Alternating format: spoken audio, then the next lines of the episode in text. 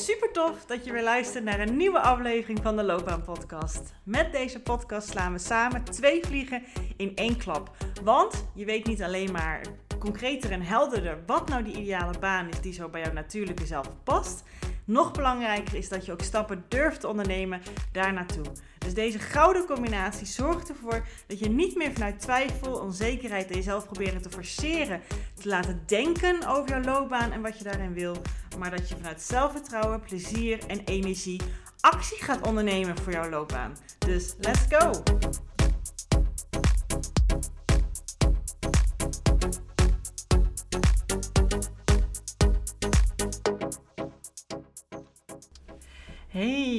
Welkom weer bij een, een nieuwe aflevering van de bonusreeks van ja, de Loopbaan Podcast. En deze bonusreeks, dat weet je waarschijnlijk wel. Mogelijk heb je aflevering 1 en 2 ook al geluisterd, maar dat hoeft eigenlijk niet, want het zijn vier op zichzelf staande afleveringen, maar wel met één groot thema.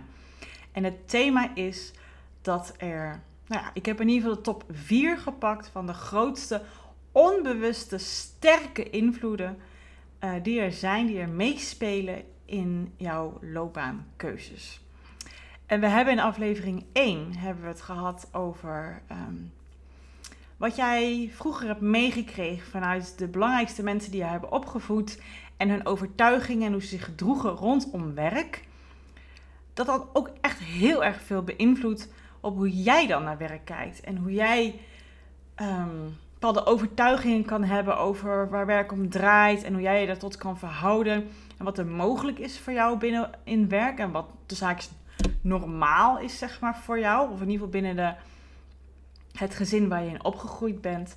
En het is omdat je natuurlijk vooral uh, die overtuigingen en dat allemaal zo kan meemaken, vooral als je heel jong bent en je brein natuurlijk nog niet helemaal ontwikkeld is, waardoor er ook heel veel onbewust natuurlijk opgeslagen wordt.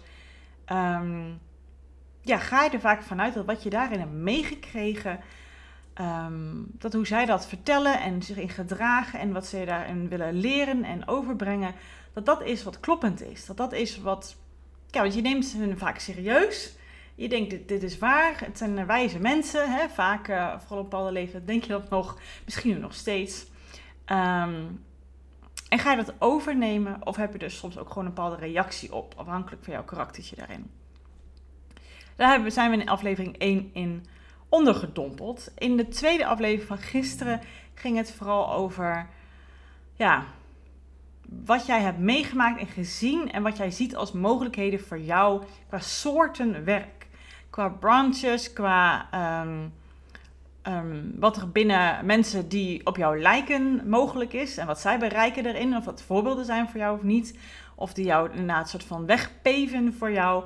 Of dat het eigenlijk meer voelt van oké, nou ja, alle vrouwen in onze familie die deden dit. Of um, ja, van nature uh, vind ik dit boeiend, maar daar wordt helemaal geen. Uh, ja, daar wordt afwijzend op gereageerd. Um, en daar ben je gewoon gevoelig voor.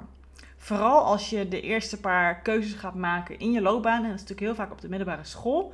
En daar zit ook heel vaak natuurlijk je verdere professionele keuze op gestoeld. En natuurlijk kan je elk moment van je volwassen leven gewoon nog wijzigen. Maar toch spelen, of je het nou wil of niet, hè, toch spelen deze elementen mee.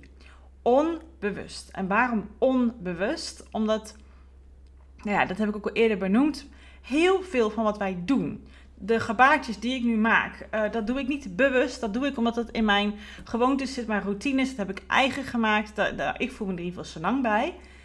Maar we doen ook heel veel dingen waarvan wij dan, als we ze achteraf dat zouden kunnen bepalen, willen we dat eigenlijk wel doen. Zouden we er misschien niet voor kiezen? Zouden we ook niet zo willen denken? Zouden we ook niet zo willen staan in het leven, in onze carrière? En toch doen we het. En dat is omdat er dus heel veel onbewust meespeelt. En dus ook op het gebied van hoe jij naar jezelf en naar werk en naar mogelijkheden daarbinnen kijkt. En dus aflevering 1 ging vooral over hoe hebben andere mensen dat voorgeleefd voor jou? Wat heb je ervan overgenomen of als tegenreactie op ontwikkeld? Aflevering 2 ging dus er meer over wat zag je als mogelijkheden, als opties, als um, ja, binnen wat voor jou voelt als normaal binnen jouw familie. Of in ieder geval jouw go-to mogelijkheden. Waar als eerst naar gaat kijken om te oriënteren als je eerste stappen gaat zetten op de arbeidsmarkt. En dat zijn vaak toch echt de belangrijkste stappen. En vanuit daar ga je vaak weer nieuwe keuzes maken. Maar helemaal daarvan afwijken, dat doen mensen zat hoor. Maar dat is vaak nog een extra grote drempel.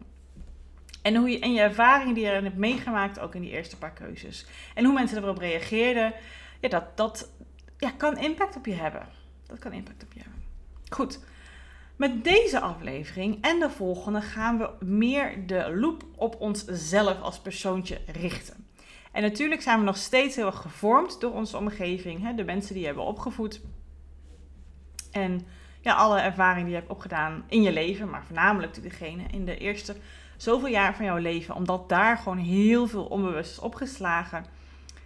Ja, zo werkt ons brein gewoon. Als je daar meer informatie over wil uh, DM'en, dan wil ik je alles over uitleggen. Ik zit ook, merk ik, hardop te denken wat, of nou niet hardop, maar ik zit te denken, wat kan ik hierover delen en wat niet? Wat is relevant en wat niet? Anders gaan we een hele masterclass op zich geven. En dat is hier helemaal niet relevant, denk ik zo. Goed, we gaan vandaag duiken in hoe jouw beschermingsmechanismen, en ik ga zo even uitleggen wat ik daaronder versta, enorme impact hebben op de keuze en vooral de rol, de soort functie die jij hebt en de skills die daarvoor in uh, zet en waarom je er ook op gesolliciteerd. Um, ja, dat er een enorme grote impact daarop in die keuze erin is. Morgen gaan we het meer hebben over je eigen zelfbeeld.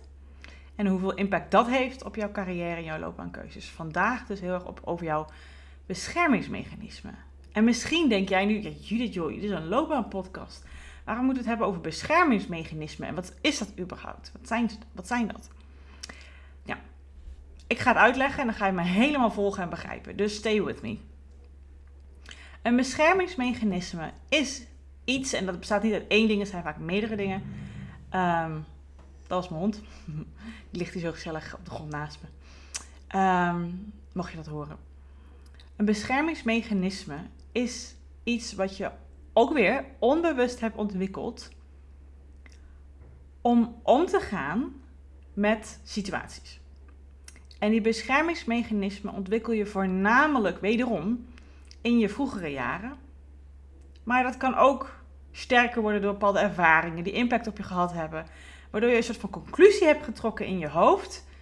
Oké, als ik dus zus en zo doe, als ik zus en zo ben, als ik zus en zo denk, als ik me zus en zo gedraag, of dat niet doe of dat wel doe, dan ehm, heb ik hier plek, pas ik, pas ik erbij, voel ik me beschermd, heb ik een soort van vorm van controle, kan ik de situatie aan, ja, word ik geliefd door de mensen om me heen waar ik liefde van wil ontvangen. Je dat voel ik me beschermd. Daar bescherm je jezelf mee. En echt, again, dit doe je dus onbewust. En dit gaat niet over hele grote dingen. Want uh, ik had het pas, uh, uh, ik zoveel coaching sessies. Hè, maar je hoort wel eens mensen praten, en ik benoem dat ook wel eens. Hè, dingen die je meemaakt in je, in je leven, of dingen die impact op je kunnen hebben, die vormen je. En um, ze noemen ook wel eens het woord trauma's. Nou, dat is natuurlijk een heel groot woord, vooral als je er nog niet eerder van gehoord hebt. Maar eigenlijk, vooral als je klein bent, ervaar je iets als hele kleine en soms ook grote traumaatjes. Je bent gekwetst door iemand. Je voelt je even onveilig. Je voelt je even niet geliefd. Je had een behoefte en er werd niet aan voorzien. Uh, je werd afgewezen. Uh, al die elementen, dat zijn situaties waarin jij opmerkte: oeh, oké, maar hoe ik, wat ik dus nu doe, daar krijg ik dus niet een reactie op. Want ik voel me dus onveilig. Of ik krijg niet wat ik wil. Of um, hier, voelde ik, hier voel ik me alleen door. Of hier voelde ik me gekwetst in. Of hier, hierdoor hoor ik er niet bij. En dan ga je onbewust conclusies trekken en bepalen wat kan ik dan wel doen, zodat ik dat dan wel weer heb. En iedereen heeft daar zijn eigen neigingen en gevoeligheden in. En we hebben daar altijd een soort pakketje van. Van verschillende soorten voorkeuren die we vaak gaan inzetten. En dat hangt ook dus heel erg af van je omgeving, wat daarin misschien ook voorgedaan wordt. En um, wat passend is, wat, waar je dus in ieder geval geen negatieve reactie op kan krijgen. En alles wat je daarin dus jezelf gaat aanleren om met situaties om te gaan, dan ga je een soort van ja, karakter opbouwen, persoonlijkheid opbouwen, uh, vaardigheden, kwaliteiten, talenten. Um, en dus ook hè, vanuit al die beschermingsmechanismen die je zelf hebt aangeleerd. En zo bouw je dus echt een soort van rollen op, een soort van plekken op waar als jij zo doet, dan werkt dat. Dan helpt dat voor jou. Dan krijg je niet die afwijzing, dan krijg je niet hè, alles wat je niet wil. Dan werkt dat voor jou. Dan lukt je wel om lekker te slagen door het leven. Om, om dingen te bereiken, om, om je goed te voelen, om bij de familie te horen. Om hè, niet die vervelende dingen en kwetsingen mee te maken. Nou, Judith heeft het met loopbaankeuzes te maken. Nou, enorm veel. Want al die, je denkt dat je al snapt waar je heen wil, want al die elementen die ik net zei, daar is dus jouw karakter uit voortgekomen. Daar is jouw persoonlijkheid uit voortgekomen, jouw skillset. Wat jij dacht wat nodig was in die situaties van vroeger, daar heb je natuurlijk heel veel in geoefend. Want dat heb je veel laten zien. Een bepaalde manier van denken, een bepaalde manier van doen, een bepaalde manier van zijn. En bijna altijd, als niet altijd, gaan we, omdat we dat kennen, dat zit in onze comfortzone, daar, daar worden we ook op gepraised, daar worden we, krijgen we lof op, dat, dat, daar zijn we ook gewend, dat, dat, dat lukt ons, dat kunnen we, dat vinden we misschien ook fijn, hè? want anders hebben we niet die vormen van beschermingsmechanismen uh, gekozen, daar kom ik straks nog op terug. Die ga je ook zoeken, want dat kan je, dat né, ga je ook proberen te vinden in functies, dat je dat daar ook in kwijt kan. En dat is helemaal prima en dat is helemaal het gaat. Alleen, er kan een punt komen in jouw leven. En dat kan meerdere keren gebeuren. Dat is mij al, denk ik, al twee, drie keer overkomen. Overkomen is niet het goede woord, maar dat is al twee, drie keer gebeurd. Dat je merkt dat die jas van bescherming, hoe jij jezelf dat hebt aangeleerd, hoe jij dus normaal met situaties omgaat, hoe je normaal iets tackelt, wat dan dus, dat wordt dus keer op keer gevraagd in die functie die jij nog steeds beoefent. En natuurlijk kan je jobcrafting, hè, kan je je werk aanpassen, hè, dat, dat, dat klopt. Maar als de kern van jouw functie dat dan van jou vraagt, wat jij jezelf hebt geleerd vanuit je beschermingsmechanismen, die toen goed werkte, maar die nu als een oude jas voelen en die te krap zit en niet meer prettig is en die je uit wil doen, dan is het tijd om deze eens goed onder de loep te nemen en eens te onderzoeken: oké, dit wil ik dus niet en wat dan wel. Maar het helpt om bewust te worden van wat is het nu precies wat er gebeurd is. Want heel vaak voelen we of merken we dat we denken, eh, deze jas past me niet meer, deze functie past ook gewoon niet meer bij me. Het geeft me niet meer energie, terwijl het misschien wel eerder gedaan heeft, gaf me eerder wel een goed gevoel. Het lukt ook allemaal en nu is dat echt heel anders. Nu geeft het wrijving, nu, terwijl het eerder wel zo was. Soms kan je niet helemaal de, de vinger erop leggen. En hierbij geef ik je hopelijk een hele goede Ik ga straks zes beschermingsmechanismen met jou delen. En ik ga er ook bij vertellen wat vaak bepaalde soort functies en rollen die erbij horen. Um, zodat je ook voor jezelf kan ontdekken of dat voor jou zo geldt. Ik geef ook nog een voorbeeld van mezelf erbij, zodat het nog wat meer kan leven voor jou. Wederom, deze podcast, deze bonusreeks is er heel erg voor om bewustwording te creëren op wat nu toe onbewust is voor jou.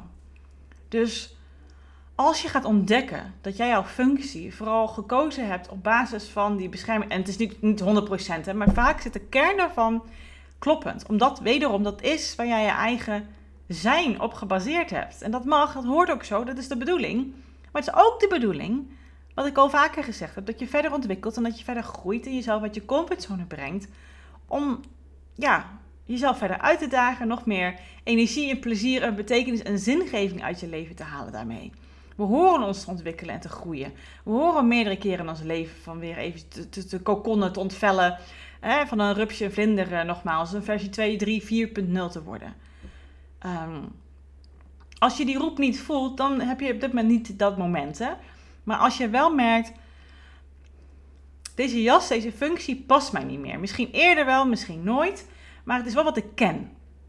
En deze gesprek heb ik vaker. Hè? Dat, dat een functie heel erg comfort gericht voelt, heel bekend voelt, heel veilig voelt. Maar je merkt aan alles, dit is hem niet meer voor mij. Ik word hier niet meer vervullend van, happy van. Ik word hier moe van. Ik ben er klaar mee. Dan is deze aflevering dus echt voor jou. Nou goed, leuke inleiding zit al op minuut 15. Maar ik wil zo graag dat het bij jou binnenkomt. Dat merk ik vooral bij mezelf, waarom ik dit zo aan het benadrukken ben. Maar nu is het denk ik wel duidelijk. Dus ik wil de zes met jou gaan delen. Zes categorieën. En dit zit ook altijd in, in, de, in mijn achterhoofd tijdens mijn loopbaancoaching. Zo nadrukkelijk zoals ik het nu ga benoemen, zit het niet eens in mijn loopbaancoaching, maar wel in mijn vervolgtraining, omdat we daar nog verder erop ingaan. Um, dus ik wil het met jou delen en dan kan je voor jezelf gaan, gaan onderzoeken. Um, welke zijn bij mij het sterkst? Welke herken ik van mezelf? En zitten die ook in mijn functie? En is dat ook de reden waarom ik misschien nu merk dat ik hem aan ontgroeien ben? Dat ik hem in ieder geval wil aanpassen en veranderen, mijn functie. Omdat ik hem dus eigenlijk ja, ontgroeid ben. Omdat ik merk dat ik toe ben aan een nieuwe stap. En dus ook toe ben aan een nieuwe stap om uit die beschermingsmechanismen te breken. Maar dat is een ander onderwerp. En dat helpt wel als je nieuwe keuzes wil gaan maken in je, in je loopbaan. Maar we gaan eerst stap 1 doen, hè? Ik heb even hier mijn aantekening bijgepakt. Ik weet ze uit mijn hoofd, maar ik vind het altijd prettig, want ik heb uh, van alles te voorbereiden. Um, er zijn er zes. Zes categorieën en ik noem ze even in grote lijnen, want hier zit zoveel onderzoek en theorie achter. Maar ik pak even de, zodat je wel snapt wat ik bedoel en dat je voor jezelf al heel veel aanknopingspunten hebt om het bij jezelf eens te onderzoeken. En je scoort op alle zes een aantal procent. Alleen je hebt er meestal twee, of een hele sterke één, of soms een beetje drie, die je echt sterk herkent. En dan wil ik natuurlijk vooral vragen om te kijken qua je loopbaan. Hè? Goed. De eerste die ik met jou wil benoemen is ehm, als jij merkt dat jij iemand bent dat zodra jij. Nee, ik kan het beter zo verwoorden. Als jij merkt dat je het enorm prettig vindt, dat je het jouw comfortzone is om vooral solistisch te werken om lekker in je eigen wereldje te zitten, lekker analytisch bezig te zijn of zelfs creatief bezig te zijn, van alles voor je te zien, overzicht te creëren, om heel erg in je eigen bubbeltje te zitten en het liefst ook op die manier graag wil werken. Dat je echt denkt, oh, joh, sluit me op lekker in een kamertje. Ik, ik heb al boeiende gedachten van zich. Ik kan, ik kan als je mij een, een, een probleem geeft, dan kan ik daar zoveel op los, losvuren. Of tenminste, dat was altijd mijn manier. Ehm, ik zit lekker in mijn eigen wereld. Ik kan heel goed dingen van een afstandje bekijken. Ehm, en ik kan ook heel goed aanvoelen van, goh, waar zitten de, de hiccups? Waar zitten de problemen? Maar ik doe dat gewoon heel graag in mijn eentje. En dan denk jij misschien, nou, hartstikke mooi, hartstikke fijn. Dat is ook zo. Dit zijn de mooie kanten van deze eerste uh, beschermingsmechanismen. Maar als jij dit herkent, hè, als je dus vroeger als beschermingsmechanisme in je eigen wereldje terugtrok, afstand nam van wat er om je heen gebeurde, uit contact ging van wat er op dat moment speelde en jij in, in, ja, in bescherming voor jezelf in je eigen konnetje ging, misschien zelf letterlijk wegging, maar als dat niet kon, je moest daar blijven, ga je gewoon in je eigen wereldje, uitspeesten. Ja, als je natuurlijk heel veel doet, natuurlijk ben je dan iemand die heel, heel goed, misschien grote fantasie heeft, of heel goed alles kan analyseren of onderzoeken, want daar heb je heel veel gezeten. En daar ben je ook gewend om in je eentje te doen. Dus dat is fantastisch. En functies waar die dus op zelfstandigheid gericht zijn, waar je dus lekker creatief en analytisch bezig mag zijn, naar processen mag kijken, hè, waar jij de, de, de angel uit mag halen, waar jij mee bezig bent, dat zijn functies die jij misschien heel erg aantrekkelijk vond, want dat ken je. Maar wellicht merk jij nu ondertussen, ik gooi even wat balletjes omhoog, dat je merkt, ja, ik wil niet iedere keer met problemen bezig zijn. Ik wil misschien ook gewoon is misschien wat minder zware uh, problematiek bezig zijn. Ik wil misschien op andere thema's richten.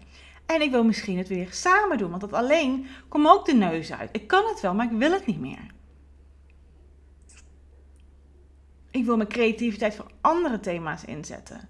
En ik wil juist graag tijdens een proces erbij zitten. In plaats van een plan bedenken en hoe zou het moeten aanpakken. En hier alsjeblieft jullie het maar uitvoeren. Nee, ik wil daarbij horen. Ik wil in de mix zitten. Ik wil onderdeel zijn van het team. Want ik heb er geen contact mee nu en ik merk dat ik van verwijderd. Het wordt een beetje een theoretisch kader, kader. En ik kan alles van afstandje goed bekijken, maar nou ja, veel doet het me eigenlijk niet meer. En ik merk dat ik minder betrokken voel bij mijn werk. Dit is niet de hele beschermingsmechanisme, maar het zijn wel de grootste karakteristieken. Dus als je het herkent, als dit redenen zijn waarom jij jouw functie misschien ooit interessant vond. En misschien merk je nu, het kan nog steeds, maar anders luister je denk ik deze podcast niet. En je merkt, het werkt niet meer voor mij. Dan kan het dus zijn dat je dus juist daarvan af wil. En als je dus werk wil gaan zoeken in misschien de voorbeelden die ik net gaf, weet dat dat dus niet in jouw comfortzone gaat zitten, maar dat het dus wel is wat jouw verlangen en jouw wens is. Oké, nou ik, ik merk ik kan hier helemaal induiken, maar we gaan naar de tweede. De tweede die ik voor jou heb, en check iedere keer bij jezelf hoe herkenbaar is het. Hè? De tweede die ik heb voor jouzelf, voor jou, ehm, is misschien ben jij iemand die heel graag overal de beste in wil zijn. Die bezig is met competitief zijn, met winnen, met al, overal alles onderuit de kan halen. Uh, hoge eisen overal aan stellen, maar vooral aan jezelf. En als mensen vragen hoe het allemaal met je gaat, dan is alles goed. Ja, schone schijn ophouden is het natuurlijk. maar de beschermingsmechanisme hierin is alles kunnen tackelen, alles aankunnen. Um, ja, voor het perfect te gaan. En niet laten weten wat er onder de oppervlakte zit. Want niet alles kan perfect zijn. Je wil het misschien wel, maar dat lukt niet. Je niet kwetsbaar opstellen. als beschermingsmechanisme is dat het. Dat, dat als er problemen waren, dat jij, um, nou in ieder geval jouw gedeelte, jouw straatje ging schoonvegen. Dat jij jouw beste beentje voortzette. Dat jij ervoor zorgde dat jou alles lukte. Want dan was jij in ieder geval degene waar alles bij succesvol was. Mensen hoefden geen zorgen te maken om jou, want jij redde je wel. En de rollen die je heel vaak hierbij kan zien, is hè, degene die de kar trekt, het initiatief neemt. Misschien ook wel de ondernemer. Want het is ook een hele zelfstandige. Hè? Iemand die heel erg gewend is in, haar, zijn of haar eentje te doen. En dit kan ook weer iets zijn wat jou dus heel erg aantrok in jouw huidige functie. Ik heb hier pas geleden hè, een traject ook, um, diegene die zich hierin enorm herkende. En waar het de, de, echt de reden is waardoor zijn een burn-out gekomen is. Omdat het zo bekend is en je blijft er maar in doorgaan. Je ziet ook geen andere optie meer. En je krijgt er ook nog gewoon nog lof op van je collega's. Maar bij jou intern voelt dat totaal niet zo. Jij denkt echt, oh, waarom iedere keer weer deze patronen? Hè, mensen kijken me iedere keer aan wat we moeten gaan doen. Uh, ik, ik, moet weer, ik moet weer met initiatieven komen ik ben het een beetje beu. Ik wil het graag ook samen doen. Ik wil eens een keertje mond houden. Ik wil eens kijken of iemand anders misschien uh, initiatief neemt. Ik hoef niet overal op te zitten. En ik hoef niet toch niet overal alles uit de kant te halen. Ik kan ook toch soms kiezen voor prioriteiten. In plaats van alles prioriteit maken. Dat kan toch?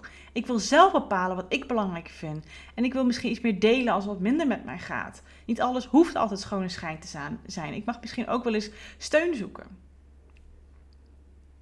En als dat meer een behoefte is, dan betekent het dus dat je huidige functie, als dit, als kern van jou vraagt, jou niet meer past. Want jij hebt je doorontwikkeld. En wederom, dat is de bedoeling.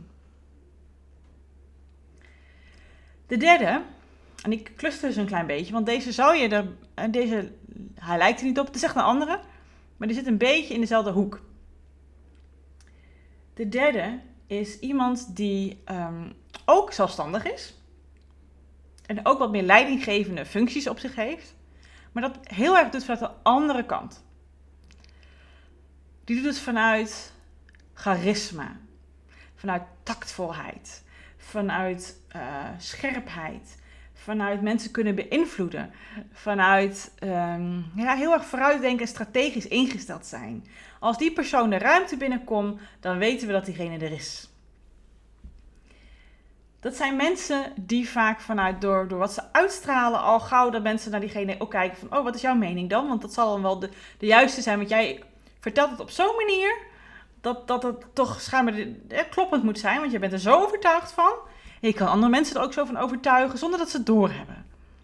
Het zijn hele andere soorten leiderschapsfuncties, managers, managerfuncties. Dat zijn mensen die zijn gevoelig voor status. Dat zijn mensen die onbewust, hè, of misschien soms wel eens bewust, zichzelf boven een ander gaan plaatsen. Want dat was de manier die misschien voorgedaan werd vroeger bij jou. Of waar in ieder geval, omdat jij liet zien dat jij jezelf goed kon dragen, dat dat ook een mooi plekje had binnen de familie. Maar als je merkt dat die manier van doen jou geen energie meer geeft. Het lukt wel, het zijn trucjes geworden. Mensen volgen jou gewoon nog. Mensen gaan met jou mee, maar jij denkt echt iedere keer... weet je, het, kost me steeds meer en meer moeite om die masker op te zetten. Omdat zo... Ja, het past me echt niet meer. Nou, je weet waar ik heen ga. Dat zeg ik tot nu toe al bij elke beschermingsmechanisme. Dan heb ik er nog drie. En deze drie die zitten allemaal wel in de sociale hoek. Het zijn functies waar je bij, alle drie zou kunnen denken. Daarom um, ja, nou ja, dat is ook zo. Ehm, dat zijn sociale beroepen. Ondersteunende, helpende beroepen. Maar ze zijn alle drie met een andere kijk en een andere insteek erin. Dus, nummer vier zijn we nu bij aangekomen. En dat is de persoon, de redder, de helper. Degene die ervoor zorgt dat de ander uit de bres komt. Jij bent namelijk degene die het overneemt van de ander. Als iemand met een probleem zit, dan zorg jij ervoor dat het opgelost wordt voor diegene. Dus mensen komen enorm graag naar jou toe als ze ergens mee zitten, want jij helpt ze. Desondanks, je neemt zelfs over.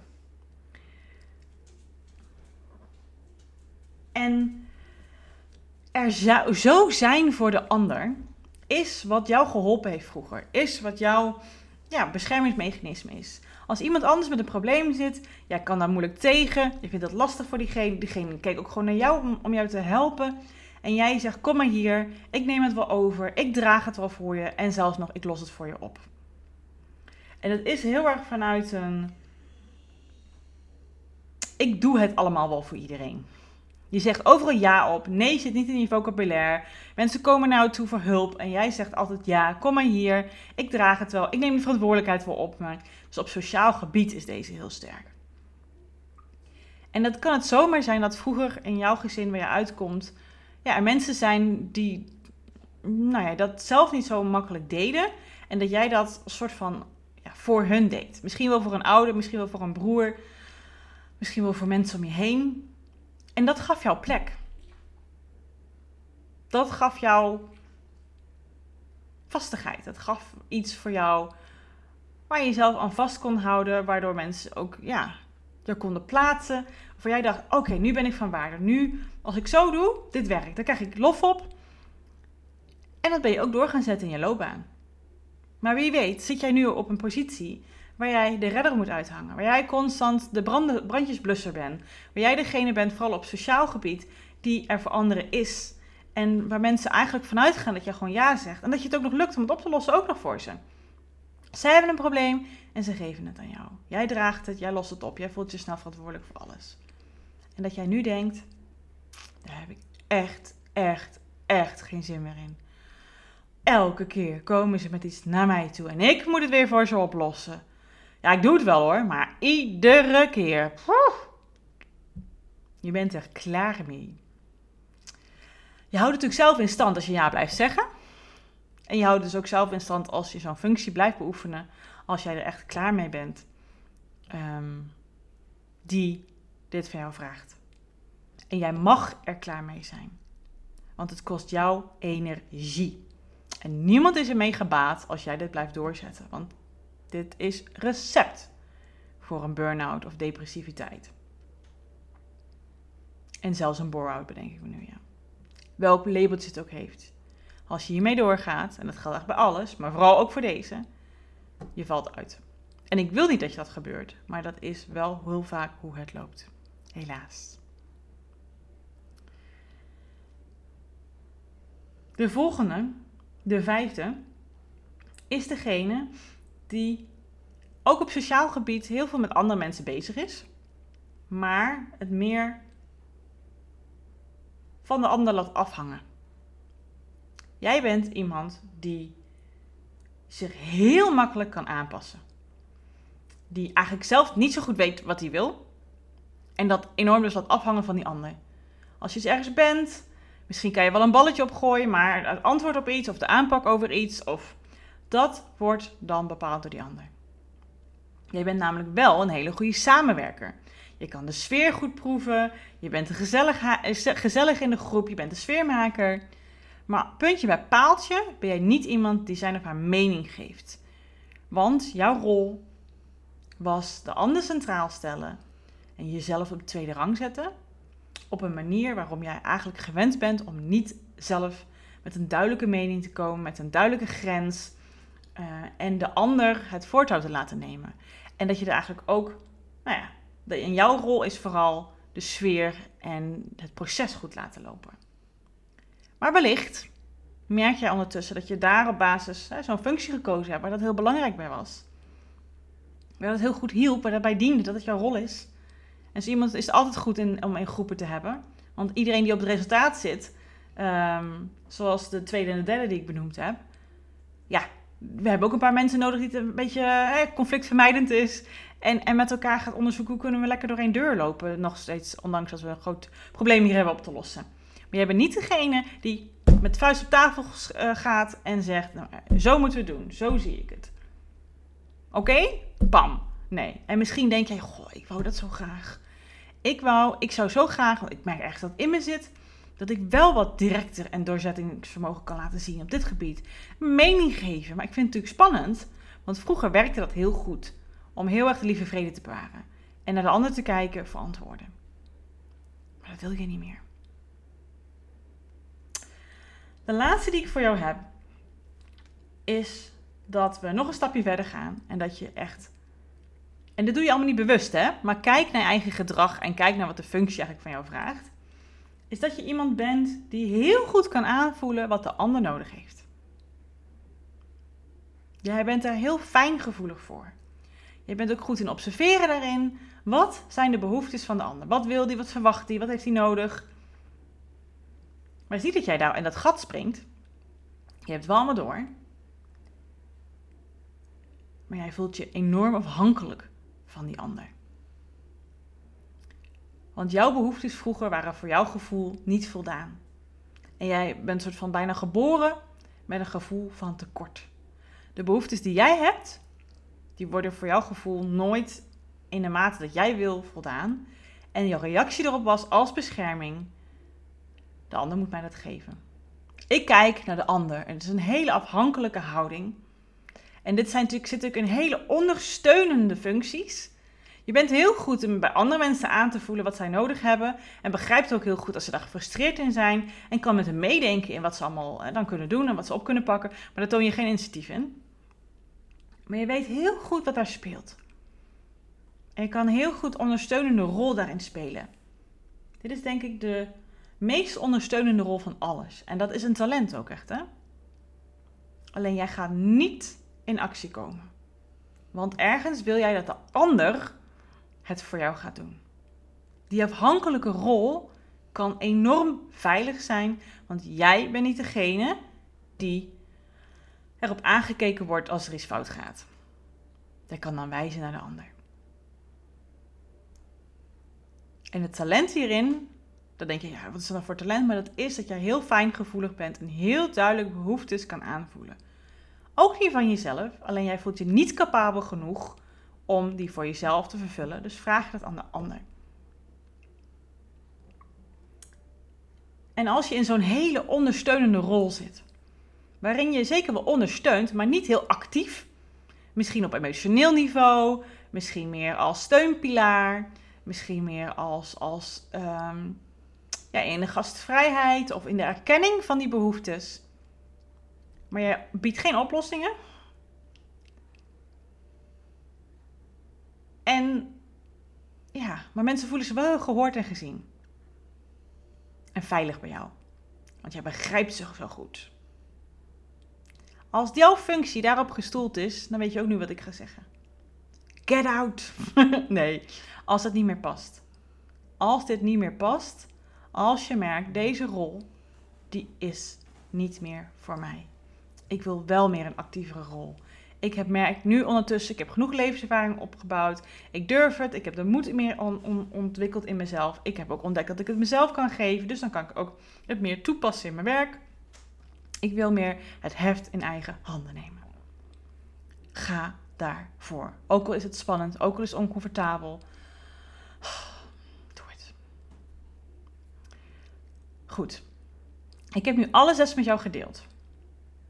En welk nummertje was bij jou nu het meeste? Ik zet even in de beschrijving van deze aflevering heel kort even de, de, de, de, de cliff notes hiervan 1, 2, 3, 4, 5, 6. Wat je herkent. Het kan zo zijn, ik heb zelf twee hele sterke. Um, en dat zijn de laatste twee. Kijk eens welke bij jou het meest sterk naar boven kwam. En kijk dan eens naar jouw functie nu. En ik ga ervan uit dat het in een, in een staat is van dat jij merkt, ik zit niet meer op de juiste plek. Zo kan je dus checken, oh, ben ik daarom mijn functie ontgroeid? Past die daarom niet meer? Een hele interessante invalshoek om zo eens te kijken. Want wederom, het is de bedoeling dat jij doorgroeit en ontwikkelt. En het kan zomaar zijn dat de crux hierop zit. En dat je dus weet, oké, daar moet ik dus niet meer op gaan letten in de volgende functie.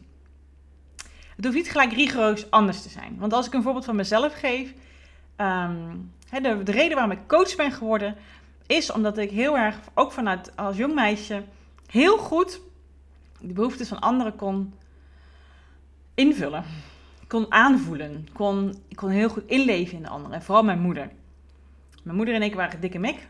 En ik was haar emotionele steunpilaar. Die rol gaf mij plek. Want bij emotionele situaties kon ik mijn moeder daarbij helpen. Alleen als ik me emotioneel voelde, kon mijn moeder me daar niet bij helpen. En dat was best wel alleen. Dus ik voelde mij niet gesteund bij andere mensen. Mijn behoeftes werden daar niet in voldaan. Ik zeg het even heel kort en zwart-wit, maar dit is even de samenvatting ervan. Maar ik was degene die altijd bovenaan de trap zat als mijn ouders af en toe ruzie hadden. Ik krijg niet een verkeerd beeld hiervan, dat gebeurt in elk gezin natuurlijk.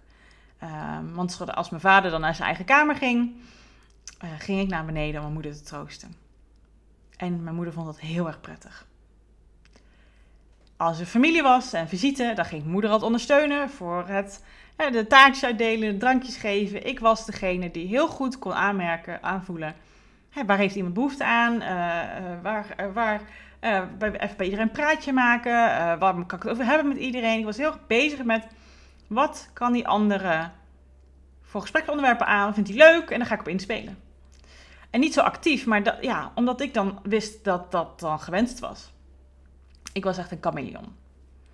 Vanuit daar ben ik dus ook gewoon coach geworden. Want ik dacht, ik kan mensen heel goed helpen. Mensen die vastzitten, mensen die moeite hebben met keuzes op een pad, zichzelf leren kennen, zelf keuzes maken. Op dat moment was ik er al verder in gegroeid. Maar ik dacht, ik, ja, mensen voelen zich super veilig bij mij. Dat is nog steeds het geval, gelukkig. Daar ben ik ook trots op.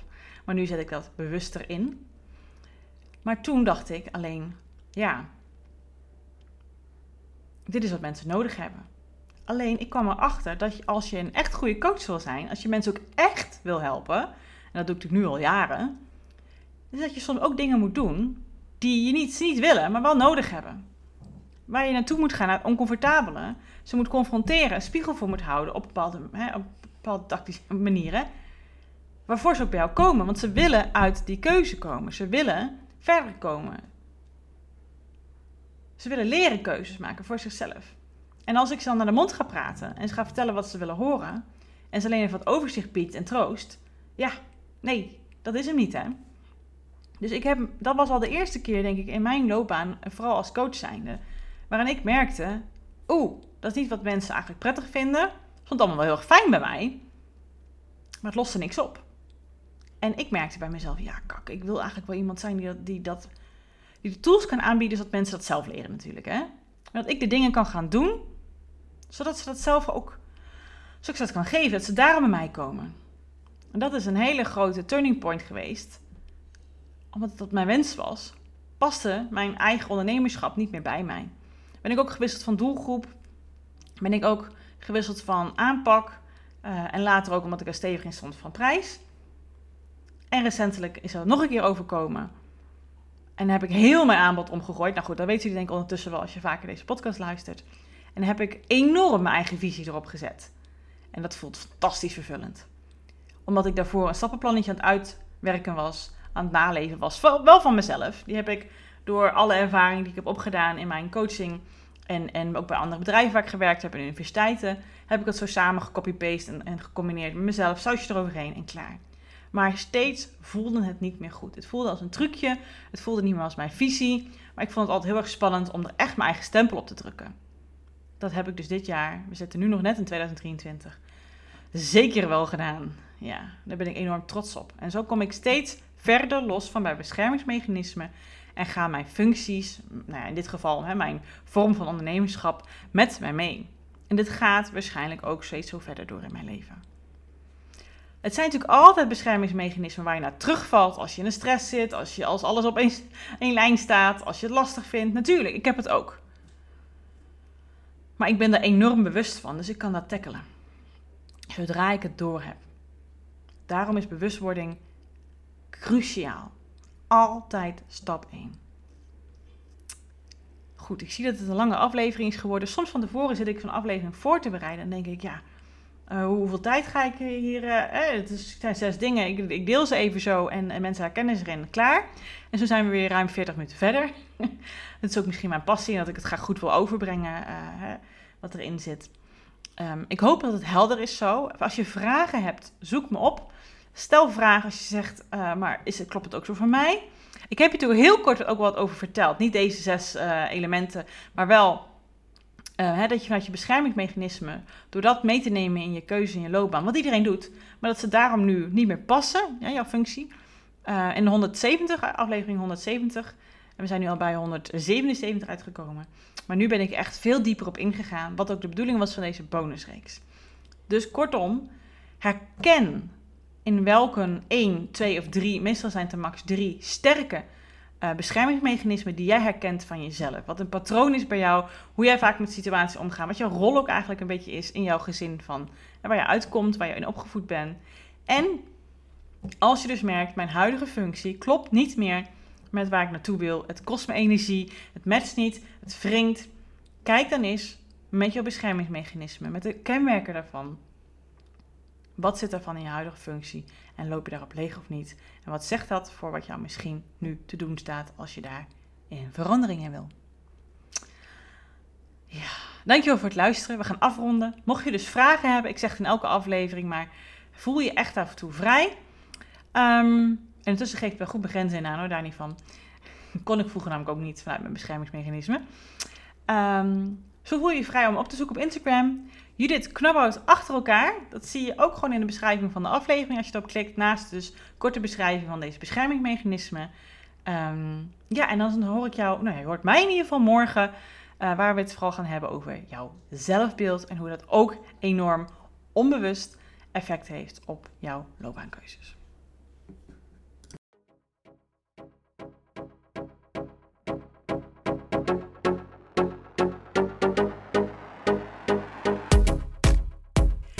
Geweldig dat je deze episode hebt geluisterd om meer regie over jezelf en je loopbaan te nemen. En ben je dan ook eens ready for the next step? Dan kan je een gratis check-up gesprek inplannen in mijn agenda. Want in dit gesprek kan je al jouw persoonlijke vragen en strubbelingen met mij delen, zodat ik er met jou mee kan denken en kan sparren met jou. Nou, dat doe je door als eerste naar www.keuzeflow.nl/slash checkup te gaan. Deze link vind je ook gewoon in mijn show notes. Daar vind je ook alle links naar mijn socials. Dus als je het super tof vindt om mij te volgen in het leven als loopbaancoach en haar klanten met alles wat erbij komt kijken, vind ik het hartstikke leuk om ook jou terug te volgen. Hey, en als laatste vraagje aan jou. Vond je deze podcast waardevol? Nou, dat hoop ik wel als je tot zover luistert. Wil je dan alsjeblieft, als je dat nog niet gedaan hebt, deze podcast reviewen of sterren geven die jij vindt dat het verdient? Want zo vinden meer mensen deze podcast en kan ik ook deze waarde met hun delen. Dankjewel alvast en tot de volgende aflevering.